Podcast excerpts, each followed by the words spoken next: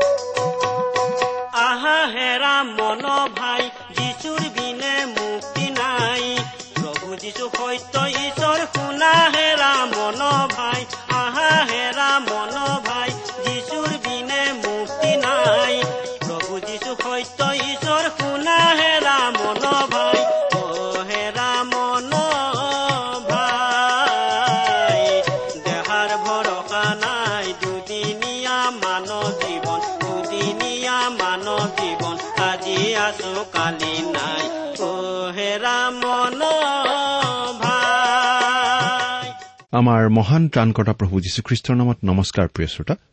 আশা কৰো মহান পিতা পৰমেশ্বৰে আপোনাক ভালে কুশলে ৰাখিছে।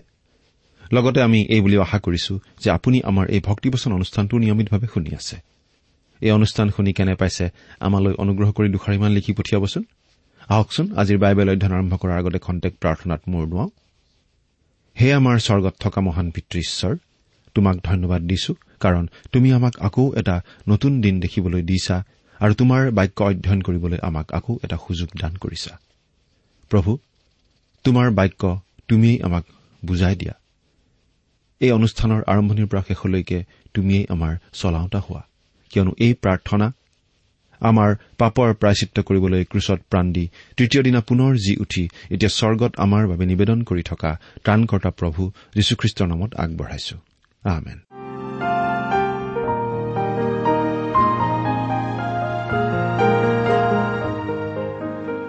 প্ৰিয় শ্ৰোতা আমি আজি ভালেমান দিন ধৰি বাইবেলৰ নতুন নিয়ম খণ্ডৰ ফিলিপিয়াবিলাকৰ প্ৰতি পত্ৰ নামৰ পুস্তকখন অধ্যয়ন কৰি আছিলো। আমি যোৱা অনুষ্ঠানত এই ফিলিপিয়াবিলাকৰ প্ৰতি পত্ৰ নামৰ পুস্তকখনৰ চাৰি নম্বৰ অধ্যায়ৰ ন নম্বৰ পদলৈকে পঢ়ি আমাৰ আলোচনা আগবঢ়াইছিলো। আজিৰ অনুষ্ঠানত আমি এই ফিলিপিয়া পত্ৰখনৰ অধ্যয়নৰ সামৰণি মাৰিব খুজিছো। গতিকে আজি এই পুস্তকখনৰ চাৰি নম্বৰ অধ্যায়ৰ বাকী থকা পদকেইটা আমি আলোচনা কৰিব খুজিছো। আমি বাইবেলৰ পৰা পাঠ কৰি যাম। প্ৰথমতেই ফিলিপিয়া চাৰি নম্বৰ অধ্যায়ৰ দহ নম্বৰ পদটো পাঠ কৰি দিছো শুনিবচোন।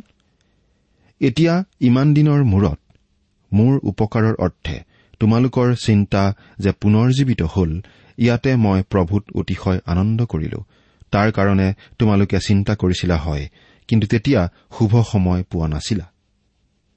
আৰম্ভণিতে আমি কৈছিলো যে ফিলিপিয়া পত্ৰখন প্ৰকৃততে এখন ধন্যবাদ জ্ঞাপক পত্ৰ। কিন্তু ধন্যবাদ জ্ঞাপন কৰাৰ পূৰ্বে তেওঁ ভালেমান খ্ৰীষ্টীয় অভিজ্ঞতাৰ কথা আলোচনা কৰিছে। গোটেই পত্ৰখনতেই তেওঁ খ্ৰীষ্টীয় অভিজ্ঞতাৰ বিষয়ে আলোচনা কৰিছে। এতিয়া এই দহ নম্বৰ পদটোত আমি দেখিছো যে পাচনি পৌলে সেই ফিলিপিয়া বিশ্বাসীসকলৰ উপকাৰখিনিৰ বাবে তেওঁলোকক ধন্যবাদ জ্ঞাপন কৰিছে। সম্পূৰ্ণ দুটা বছৰ ফিলিপি মণ্ডলীখনৰ পৌলৰ সৈতে সহভাগিতা নাছিল বা সহযোগ নাছিল। তেওঁ জিৰচালেমত গ্ৰেপ্তাৰ হোৱাৰ পাছত তেওঁক বা কোন ঠাইৰ কাৰাগাৰত বন্দী কৰি থোৱা হৈছিল সেই কথা ফিলিপি মণ্ডলীত থকা ভাই ভনীসকলে কিজানি জানিব পৰা নাছিল। তাৰ পাছত যেতিয়া তেওঁলোকে পাচনি পৌলৰ বিষয়ে খবৰ পাইছিল তেতিয়া মানে তেওঁক ৰোমৰ কাৰাগাৰলৈ স্থানান্তৰিত কৰা হৈছিল। তেওঁলোকে যে তেওঁৰ সৈতে যোগাযোগ ৰাখিব পৰা নাছিল আৰু তেওঁলোকে তেওঁৰ বাবে প্ৰস্তুত ৰখা উপহাৰখিনি যে তেওঁক সেই দুবছৰে দিব পৰা নাছিল তাৰ বাবে তেওঁলোকে দুখ প্ৰকাশ কৰিছিল। বৰ অনুগ্ৰহৰ সৈতে তেওঁলোকৰ দুখ প্ৰকাশৰ প্ৰতি সঁহাৰি জনাই পৌলে কৈছে এতিয়া ইমান দিনৰ মূৰত অৰ্থাৎ দীঘলীয়া দুটা বছৰৰ মূৰত মোৰ উপকাৰৰ নিমিত্তে তোমালোকৰ চিন্তা যে পুনৰ জীৱিত হল ইয়াতে মই প্ৰভূত অতিশয় আনন্দ কৰিলো। তোমালোকো এই ক্ষেত্ৰত সচেতন আছিলা কিন্তু তোমালোকে সুযোগ পোৱা নাছিলা। তাৰ মানে পৌলে কৈছে তোমালোকে মোৰে সৈতে যোগাযোগ হেৰুৱালা আৰু সেইকাৰণে তোমালোকে মোক সহায় কৰিবলৈ ইচ্ছা কৰিও সহায় কৰিব পৰা নাছিলা। এতিয়া এঘাৰ নম্বৰ পদটো পাঠ কৰি দিছো। নাটনিৰ বিষয়ে যে মই এই কথা কৈছো সেয়ে নহয় কিয়নো যিকোনো অৱস্থাতেই নাথাকো মই তাতেই সন্তুষ্ট হৈ থাকিবলৈ শিকিলো। আন কথাত পৌলে কৈছে যদিও তোমালোকৰ সহানুভূতিত মই আনন্দিত হৈছো তথাপি মই নাটনিটো চলিব জানো। আনহাতে উপচি পৰাকৈ পোৱাৰ সময়তো কেনেকৈ চলিব লাগে তাকো মই জানো। তাৰমানে পৌলে দুই প্ৰকাৰ অৱস্থাতেই চলিব জানিছিল। কাৰণ তেওঁৰ জীৱনৰ কোনো কোনো সময়ত বৰ নাটনিৰ সময় পাৰ হৈছিল। কিন্তু আন কোনো কোনো সময়ত জোৰাওকৈ জীৱনৰ প্ৰয়োজনীয়খিনি তেওঁ পাইছিল। ঈশ্বৰে তেওঁক যেতিয়া যেনেকৈ চলিবলৈ দিছিল তেতিয়া তেওঁ তেনেকৈ চলিছিল। নাটনিৰ সময়ত বৰ কষ্টেৰে চলিব জানিছিল। ভোক পিয়াহ জাৰ এনেকি উদংগ থকাৰ নিচিনা চৰম অভাৱলৈকে অভাৱগ্ৰস্ত হোৱাৰ অভিজ্ঞতা তেওঁৰ আছিল। দ্বিতীয় কৰিন্ঠিয়া এঘাৰ নম্বৰ অধ্যায়ৰ সাতাইছ নম্বৰ পদ চাওকচোন। তেনেকুৱা সময়তো সকলো মণ্ডলীৰ চিন্তাইহে তেওঁৰ দৈনিক ভাৰস্বৰূপ হৈছিল। দ্বিতীয় কৰিন্ঠিয়া এঘাৰ নম্বৰ অধ্যায়ৰ আঠাইছ নম্বৰ পদ চাওক। কিন্তু ঈশ্বৰে তেওঁক সকলো সময়তে ভোকত পিয়াহত জাৰত বা উদঙে থাকিবলগীয়া হোৱা অৱস্থাত ৰখা নাছিল। জোৰাওকৈ জোৰা জীৱনো তেওঁ দান কৰিছিল। পৌলে এই এঘাৰ নম্বৰ পদটোত কৈছে যে তেওঁ কেতিয়াও সাহায্য বিচাৰি জৰুৰী খবৰ ফিলিপিবাসীক দিয়া নাছিল। তেওঁ যিকোনো অৱস্থাতে সন্তুষ্ট থাকিবলৈ ইতিমধ্যেই শিকি পেলাইছিল। তেওঁ কাৰাগাৰত থাকে নে কাৰাগাৰৰ বাহিৰত থাকে সেইটোৱে তেওঁক অসুবিধা দিয়া নাছিল। কাৰণ সকলো প্ৰকাৰ অৱস্থাতেই সন্তুষ্ট থাকিবলৈ ইতিমধ্যেই তেওঁ প্ৰশিক্ষিত হৈ পৰিছিল। আমাৰ ক্ষেত্ৰত কিন্তু সন্তুষ্টিৰ কথাটো সম্পূৰ্ণ সুকীয়া। আমাৰ জীৱনত আমি তেতিয়া সন্তুষ্ট যেতিয়া আমাৰ জীৱনত সকলোবোৰ বিষয় ভালে ভালে ঠিকে ঠিকে চলি গৈ থাকে আৰু যেতিয়া আমাৰ নিজৰো গা মন ঠিকেই থাকে। তাৰ অৰ্থটো এইটো যে আমাৰ সন্তুষ্টি সদায় পৰিস্থিতিৰ ওপৰত নিৰ্ভৰ কৰে। কথাটো মিছাও নহয় কাৰণ আমাৰ শাৰীৰিক আৰু মানসিক সন্তুষ্টি বহুলাংশে নিৰ্ভৰ কৰে আমাৰ জীৱনৰ পৰিৱেশ আৰু পৰিস্থিতিৰ ওপৰত। সেয়ে আমি প্ৰাৰ্থনা কৰা উচিত যেন আমি সকলো ধৰণৰ সময় পৰিৱেশ আৰু পৰিস্থিতিৰ মাজতো সন্তুষ্ট হৈ চলিব জানো। কাৰণ বাস্তৱিকতেই আমাৰ জীৱনৰ সন্তুষ্টি বা অসন্তুষ্টিৰ ক্ষেত্ৰত সময় পৰিৱেশ আৰু পৰিস্থিতিয়ে বিস্তৰ ভূমিকা লয়। কিন্তু পৌলৰ ক্ষেত্ৰত আমি দেখিছো যে তেওঁ সকলো পৰিস্থিতিতেই সন্তুষ্ট থাকিবলৈ শিকিছিল আৰু সন্তুষ্ট হৈ থাকিবলৈ ঈশ্বৰৰ অনুগ্ৰহও লাভ কৰিছিল। মই সৰু হৈ থাকিবলৈ জানো উপচয় ভোগ কৰিবলৈকো জানো। এক এক বিষয়কৈ সকলো বিষয়তে তৃপ্ত হবলৈ আৰু ক্ষুধিত হবলৈ উপচয় ভোগ কৰিবলৈ আৰু অভাৱত থাকিবলৈ মই শিক্ষিত হলো। আমি অলপ আগতে কৈ আহিছো যে পৌলে নাটনি আৰু উপচয় দুয়োটা অৱস্থাতেই সন্তুষ্ট থাকিব জানিছিল। মন কৰকচোন প্ৰিয় শ্ৰোতা কেৱল ভোক আৰু পিয়াহ লগা অৱস্থাতেই নহয় কিন্তু উদঙে থকা অৱস্থালৈকে তেওঁ সন্তুষ্ট থাকিবলৈ শিক্ষিত হৈছিল। প্ৰভুৰ পৰিচৰ্যাত থকা লোকসকলে হীন মানদণ্ডৰ জীৱন ধাৰণেই সাধাৰণতে কৰে। কিন্তু প্ৰভুৱে কেতিয়াবা এনেকুৱা কৰে যে সাধাৰণ জীৱন ধাৰণ কৰা তেওঁৰ দাসসকলক উপচয় ভোগ কৰিবৰো সুবিধা দিয়ে। তেনে এটা সত্য ঘটনাৰ কথা শুনিবচোন। এই ঘটনাটো এজন বিখ্যাত প্ৰচাৰকৰ জীৱনৰ ঘটনা। তেওঁৰ এজন নলেগলে লগা বন্ধু আছিল। আচলতে প্ৰভুক জনাৰ পূৰ্বে তেওঁলোকৰ এজন দুৰ্ঘুৰ মুদপী আছিল। ঈশ্বৰৰ দাস সেই ব্যক্তিগৰাকীয়ে বহু আধ্যামিক পৰিশ্ৰম আৰু কষ্টেৰে তেখেতৰ সেই মুদপী বন্ধুজনক প্ৰভুলৈ আনিছিল। প্ৰভুলৈ অহাৰ পাছত সেই মুদপী বন্ধুজন সম্পূৰ্ণ সময় দিয়া পৰিচৰ্যাকাৰী হিচাপে পৰিচৰ্যা কৰিছিল বিশেষভাৱে মদপীসকলৰ মাজত। তেনে পৰিচৰ্যাৰ জৰিয়তে তেওঁ এখন দামী নামী হোটেলৰ মদপী মালিক এজনক প্ৰভুলৈ আনিছিল। হোটেলৰ সেই মালিকগৰাকীয়ে তেওঁক কৈছিল যে কেতিয়াবা প্ৰভুৰ পৰিচৰ্যা কৰা কোনো লোক তেওঁলোকৰ সেইখন নগৰলৈ আহিলে তেওঁক জনাব লাগে যাতে তেওঁ তেওঁৰ হোটেলত প্ৰভুৰ পৰিচৰ্যা কৰা লোকজনক বিনামূলীয়াকৈ ৰাখি প্ৰভুৰ সেৱা কৰিব পাৰে। তাৰ পাছত প্ৰভুৰ দাস সেইগৰাকী ব্যক্তি সেইখন নগৰলৈ আকৌ আহিছিল। এইবাৰ তেওঁক প্ৰভুলৈ নতুনকৈ অহা হোটেলৰ মালিকগৰাকীৰ নামী দামী হোটেলখনৰে বৰ চৌখিন আৰু বিলাস ভৰা কোঠা এখনত ৰখা হল। তেতিয়া তেওঁ অবাস হল। সদায় সাধাৰণ মানদণ্ডত জীৱন নিৰ্বাহ কৰা সেই বিখ্যাত প্ৰচাৰকজনে তেওঁৰ বন্ধুগৰাকীক টেলিফোনৰ যোগেদি কলে মোক ইমান বিলাস ভৰা এই কোঠালিটোত ৰাখিছা কিয়? সাধাৰণ কোঠা এখন হলেও হলহেঁতেন। প্ৰত্যুত্তৰত তেওঁৰ বন্ধুজনে কৈছিল সেই চৌখিন কোঠাটোত আমি আপোনাক ৰখা নাই। হোটেলৰ মালিকে নিজেই আপোনাক ৰাখিছে। মদপী জীৱনৰ পৰা প্ৰভু যীশুৰ যোগেদি মুক্তি পাই কৃতজ্ঞতাৰ চিনস্বৰূপে তেওঁৰ সেৱা কৰিছে।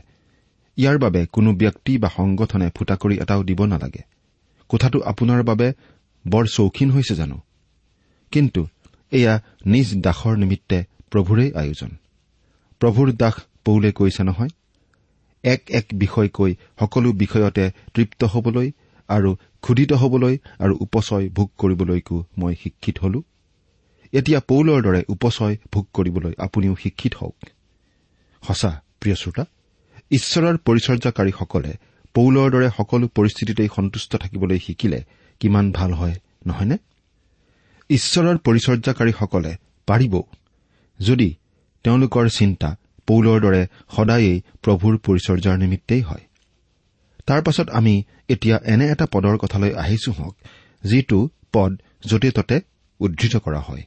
কিন্তু যিকোনো পৰিস্থিতি বা যিকোনো কথাৰ বাবে ইয়াক উদ্ধৃত কৰা উচিত নহয়। এই পদটোৰ কথাখিনি আমাৰ জীৱনত প্ৰকাশ পাব লাগে। আৰু তেৰ নম্বৰ পদটোৱে হৈছে সেইটো পদ। ইয়াত কৈছে মোক শক্তি দিয়া জনাত থাকি মই সকলো বিষয়ত বলৱান হৈছো। ইয়াত পৌলে যেতিয়া সকলো বিষয়ত বুলি কৈছে তেতিয়া তেওঁ আক্ষৰিক অৰ্থতেই সকলো বিষয়ত বুজাইছেনে? খ্ৰীষ্টত থাকি আপুনি একে ভুকুতে পকাৰ দেৱালখন টুকুৰা টুকুৰ কৰিব পৰাৰ কথা কোৱা হৈছেনে? পৌলে কৈছে মোক শক্তি দিয়া জনাত থাকি অৰ্থাৎ খ্ৰীষ্টত থাকি মই সকলো বিষয়ত বলৱান হৈছো। অৰ্থাৎ আপোনাৰ জীৱনটোক লৈ খ্ৰীষ্টৰ যি ইচ্ছা সেই বিষয়ত আপুনি বলৱান হৈছে। আপুনি যি যি কৰাটোক প্ৰভু যীশুখ্ৰীষ্টই ইচ্ছা কৰে সেইবোৰ কৰিব পাৰিবলৈ তেওঁ আপোনাক শক্তিদান কৰে। যি বৰ তেওঁ আপোনাৰ জীৱনত দান কৰিছে সেই বৰ ব্যৱহাৰ কৰিব পাৰিবলৈ তেওঁ আপোনাক শক্তি দিব। তাৰ মানে হৈছে এগৰাকী বিশ্বাসকাৰীৰ জীৱনত ঈশ্বৰৰ আত্মাই প্ৰকাশ কৰা কাৰ্য। আপুনি যিমান দিনলৈ খ্ৰীষ্টত থাকি কাৰ্য কৰে সিমান দিনলৈ সেই কাৰ্যসমূহ কৰাত আপুনি শক্তি লাভ কৰে। প্ৰিয় শ্ৰোতা আপোনাৰ জীৱনৰ কাৰণে প্ৰভু যীশুৰ যি ইচ্ছা সেয়াই আপোনাৰ জীৱনৰ ৰেলৰ লাইনৰ নিচিনা। আপুনি যিমান দিনলৈ তেওঁৰ ইচ্ছাৰ দৰে চলে সিমান দিনলৈ আপুনি চলিবলৈ বল পাব। মোক শক্তি দিয়া জনাত থাকি মই সকলো বিষয়ত বলৱান হৈছো বুলি কৈ পৌলে আচলতে সেই কথাকেই বুজাইছে। প্ৰিয় শ্ৰোতা ঈশ্বৰৰ অনুগ্ৰহত আপুনি যদি ইতিমধ্যেই খ্ৰীষ্টৰ শৰীৰৰ অংগ প্ৰত্যংগ হৈ পৰিছে অৰ্থাৎ আপুনি যদি ইতিমধ্যেই খ্ৰীষ্টীয় মণ্ডলীৰ সভ্য বা সভ্যা হৈ পৰিছে তেন্তে আপুনি জনা প্ৰয়োজন যে আপোনাৰ জীৱনক লৈ আপোনাৰ ক্ষেত্ৰত তেওঁৰ যি ইচ্ছা সেই ইচ্ছাৰ দৰেই আপুনি চলিব লাগিব। কাৰণ তেওঁৰ ইচ্ছা হৈছে ৰেল লাইনটোৰ নিচিনা আৰু আপুনি হৈছে তেওঁৰ ইচ্ছাৰ দৰে চলা ৰেলগাড়ীখনৰ নিচিনা। তাৰমানে এইটো নহয় যে আক্ষৰিক অৰ্থতেই আমি সকলো পাৰিম। নোৱাৰিম। খ্ৰীষ্টত থাকিলেও কোনো এখন নৈত জঁপিয়াই আমি পাৰ হ'ব নোৱাৰিব পাৰো। আনকি সৰু ফৰিং এটাৰ দৰেও হয়তো জঁপিয়াব নোৱাৰিব পাৰো। কোনো এখন ডাঙৰ নদী জঁপিয়াই পাৰ হোৱা নাইবা ফৰিং এটাৰ দৰে জঁপিওৱাটো ঈশ্বৰে আমাৰ জীৱনত ইচ্ছা নকৰে। কিন্তু মই পৰিত্ৰাণ পাবৰ দিনৰে পৰা আৰম্ভ কৰি তেওঁ মোক এই জগতৰ পৰা লৈ যোৱা দিনলৈকে তেওঁত থাকি তেওঁ মোৰ জীৱনত ইচ্ছা কৰা সকলো কামকে কৰিবলৈ তেওঁৰ পৰা বল পাম। আপোনাৰ জীৱনত যি সকলো তেওঁ ইচ্ছা কৰে সেই সকলো কৰিব পাৰিবলৈ তেওঁই আপোনাক বল শক্তি প্ৰদান কৰে। কিন্তু তাৰ অৰ্থ এইটো নহয় যে আপুনি তেওঁত থকা কাৰণেই আপুনি সকলো কৰিব পাৰিবলৈ তেওঁ আপোনাক সীমাহীন বল শক্তি আৰু সামৰ্থ্য প্ৰদান কৰিব। কিন্তু আপোনাৰ জীৱনত তেওঁ আপোনাৰ পৰা যিখিনি বিচাৰে সেইখিনি সামফল কৰিব পাৰিবলৈ তেওঁ আপোনাক শক্তি দিব। আপুনি আৰু মই যেতিয়া খ্ৰীষ্টত থাকো আৰু তেওঁত থাকি আমি যেতিয়া তেওঁৰ ইচ্ছাৰ দৰে চলো তেতিয়া আমি বলৱান হৈ অবিৰামে পূৰ্ণ গতিত সন্মুখৰ পথত অগ্ৰসৰ হওঁ।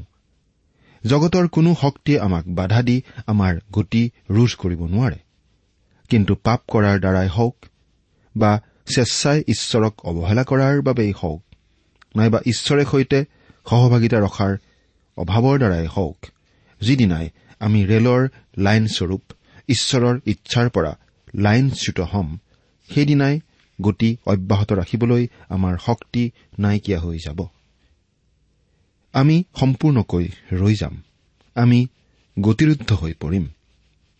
কিন্তু তেওঁত যদি থাকো ৰেল লাইনৰ ওপৰত থাকি ৰেলখন পূৰ্ণ গতিত অগ্ৰসৰ হোৱাৰ দৰে আমিও আম্মিক জীৱনত পূৰ্ণ গতিত আগবাঢ়ি গৈ থাকিব পাৰিম।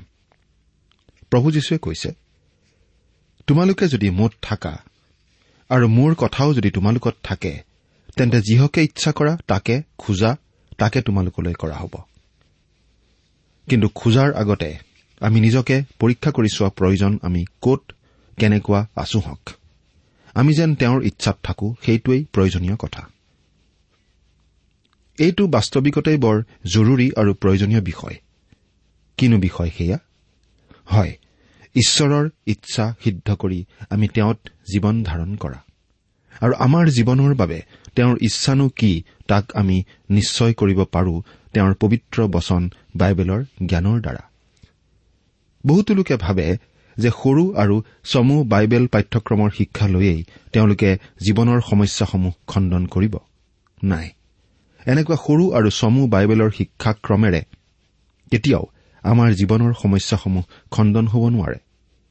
যিসকলে তেনে সৰু আৰু চমু বাইবেল শিক্ষাক্ৰমৰ যোগেদি শিক্ষা লৈছে তেওঁলোকে জানে যে তেনে পাঠ্যক্ৰমে তেওঁলোকৰ যি সমস্যা সেই সমস্যাসমূহ খণ্ডন কৰা নাই। সেয়ে সৰু পাঠ্যক্ৰমৰ দ্বাৰা সমস্যা খণ্ডন কৰিবলৈ চেষ্টা কৰাৰ পৰিৱৰ্তে গোটেই বাইবেলখনকেই তন্ন তন্নকৈ অধ্যয়ন কৰা উচিত। বাইবেলৰ কেৱল দুই এখন পুস্তকেই নহয় বৰং গোটেই বাইবেলখনকেই খৰচী মাৰি অধ্যয়ন কৰিব লাগে। গোটেই বাইবেলখন আপুনি অধ্যয়ন কৰিব পাৰিলে আপুনি জানিব পাৰিব আপোনাৰ জীৱনটোক লৈ ঈশ্বৰৰ ইচ্ছা কি আৰু যেতিয়া আপুনি আপোনাৰ জীৱনৰ ইচ্ছা জানিব পাৰিব তেতিয়া আপুনি তাৰেই আপোনাৰ জীৱন পৰিচালনা কৰিব পাৰিব। তেওঁৰ ইচ্ছা পালন কৰি চলিব পৰাত আৰু তেওঁ আপোনাক লৈ যি কৰিব খুজিছে তাক কৰিব পৰাত শান্তি আনন্দ আৰু পৰম সন্তুষ্টি আপুনি লাভ কৰিব পাৰিব। এতিয়া চৈধ্য নম্বৰ পদটো পঢ়িম।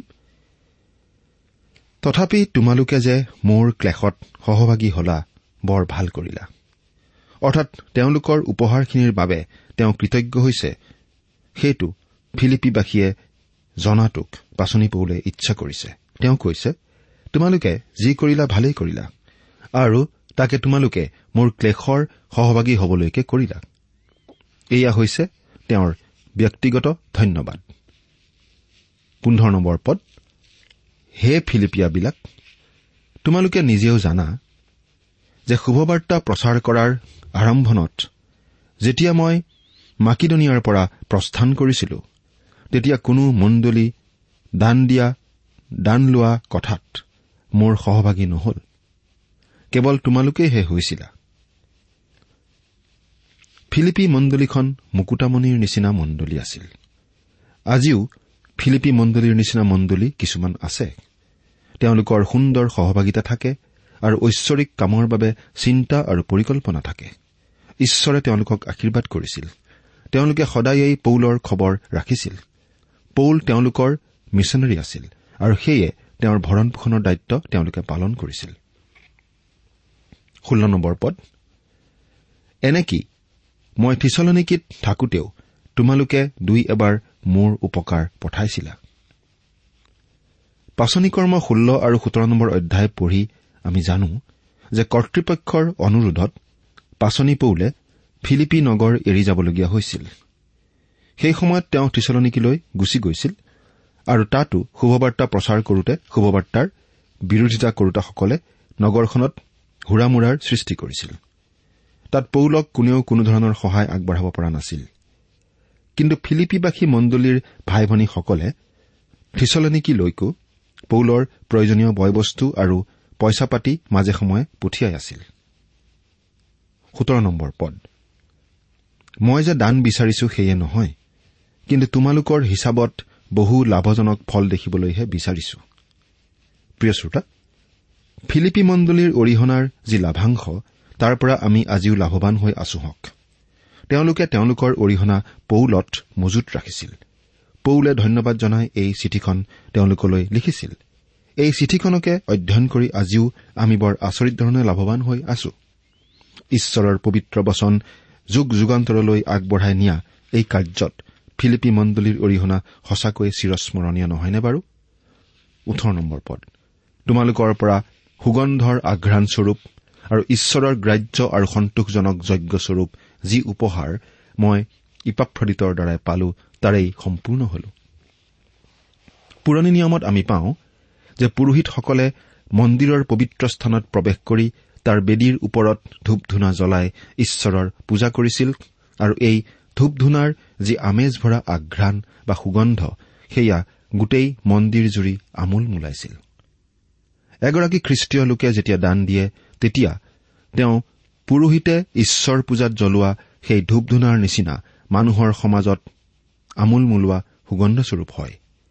গতিকে আমি গীৰ্জাত যিবোৰ দান সংগ্ৰহ কৰো বা ব্যক্তিগত জীৱনত যিবোৰ দান প্ৰভু ঈশ্বৰৰ নামত আগবঢ়াওঁ সেইবোৰ কেৱল সংগ্ৰহিত পইচা বা অনুদান কৰা ধন নহয় কিন্তু সেইবোৰ সুগন্ধিযুক্ত নৈবেদ্য উৎসৰ্গ কৰাৰ নিচিনা হয়। আৰু সেই নৈবেদ্য উৎসৰ্গৰ সুগন্ধ ঈশ্বৰৰ ওচৰ পায়গৈ যেনেকৈ ফিলিপিবাসীয়ে আগবঢ়োৱা দানৰ সুগন্ধ আজিও গোটেই পৃথিৱীজুৰি আমোল মোলাই আছে। কিন্তু সেইবোৰ দান কৰোতে ঠিক মনোভাৱেৰে দান কৰিব লাগে।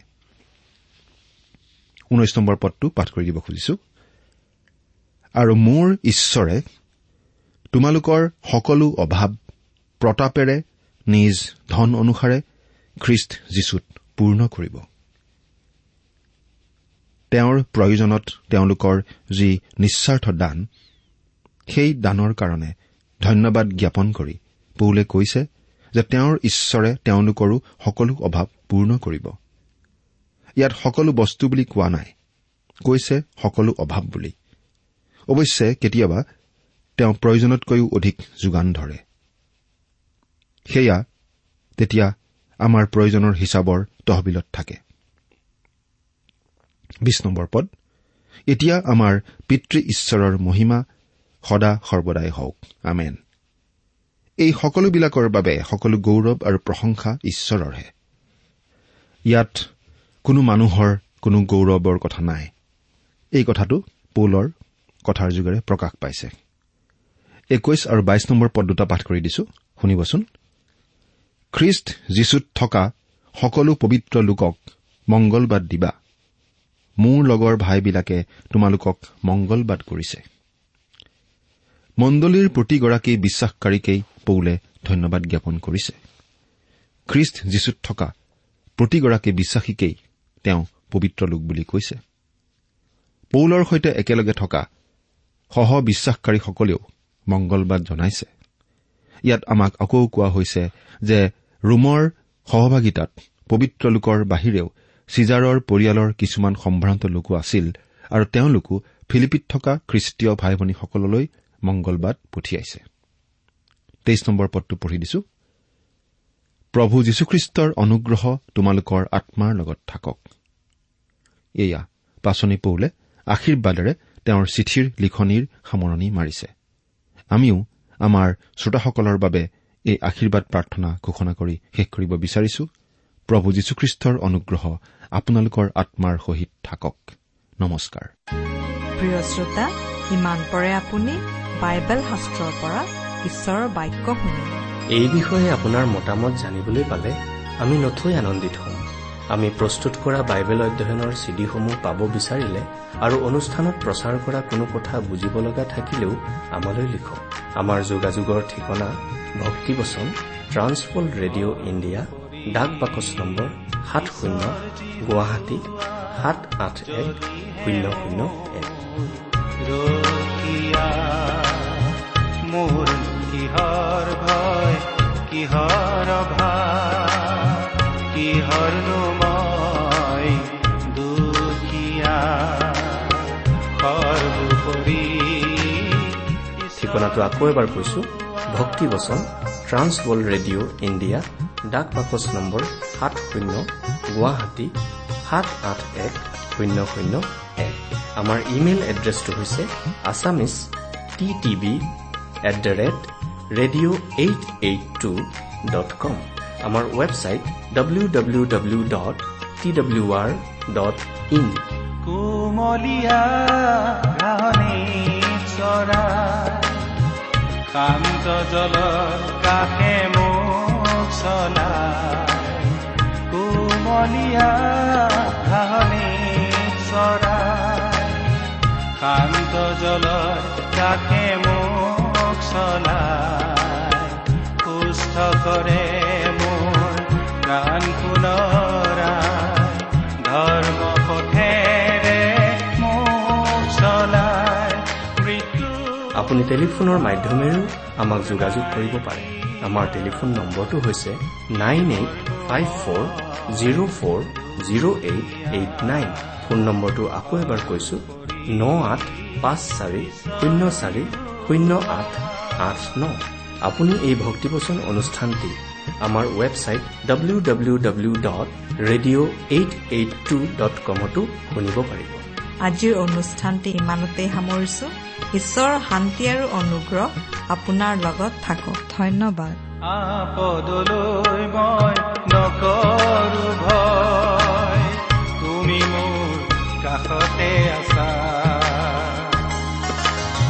জীৱনৰ সকলো প্ৰয়োজন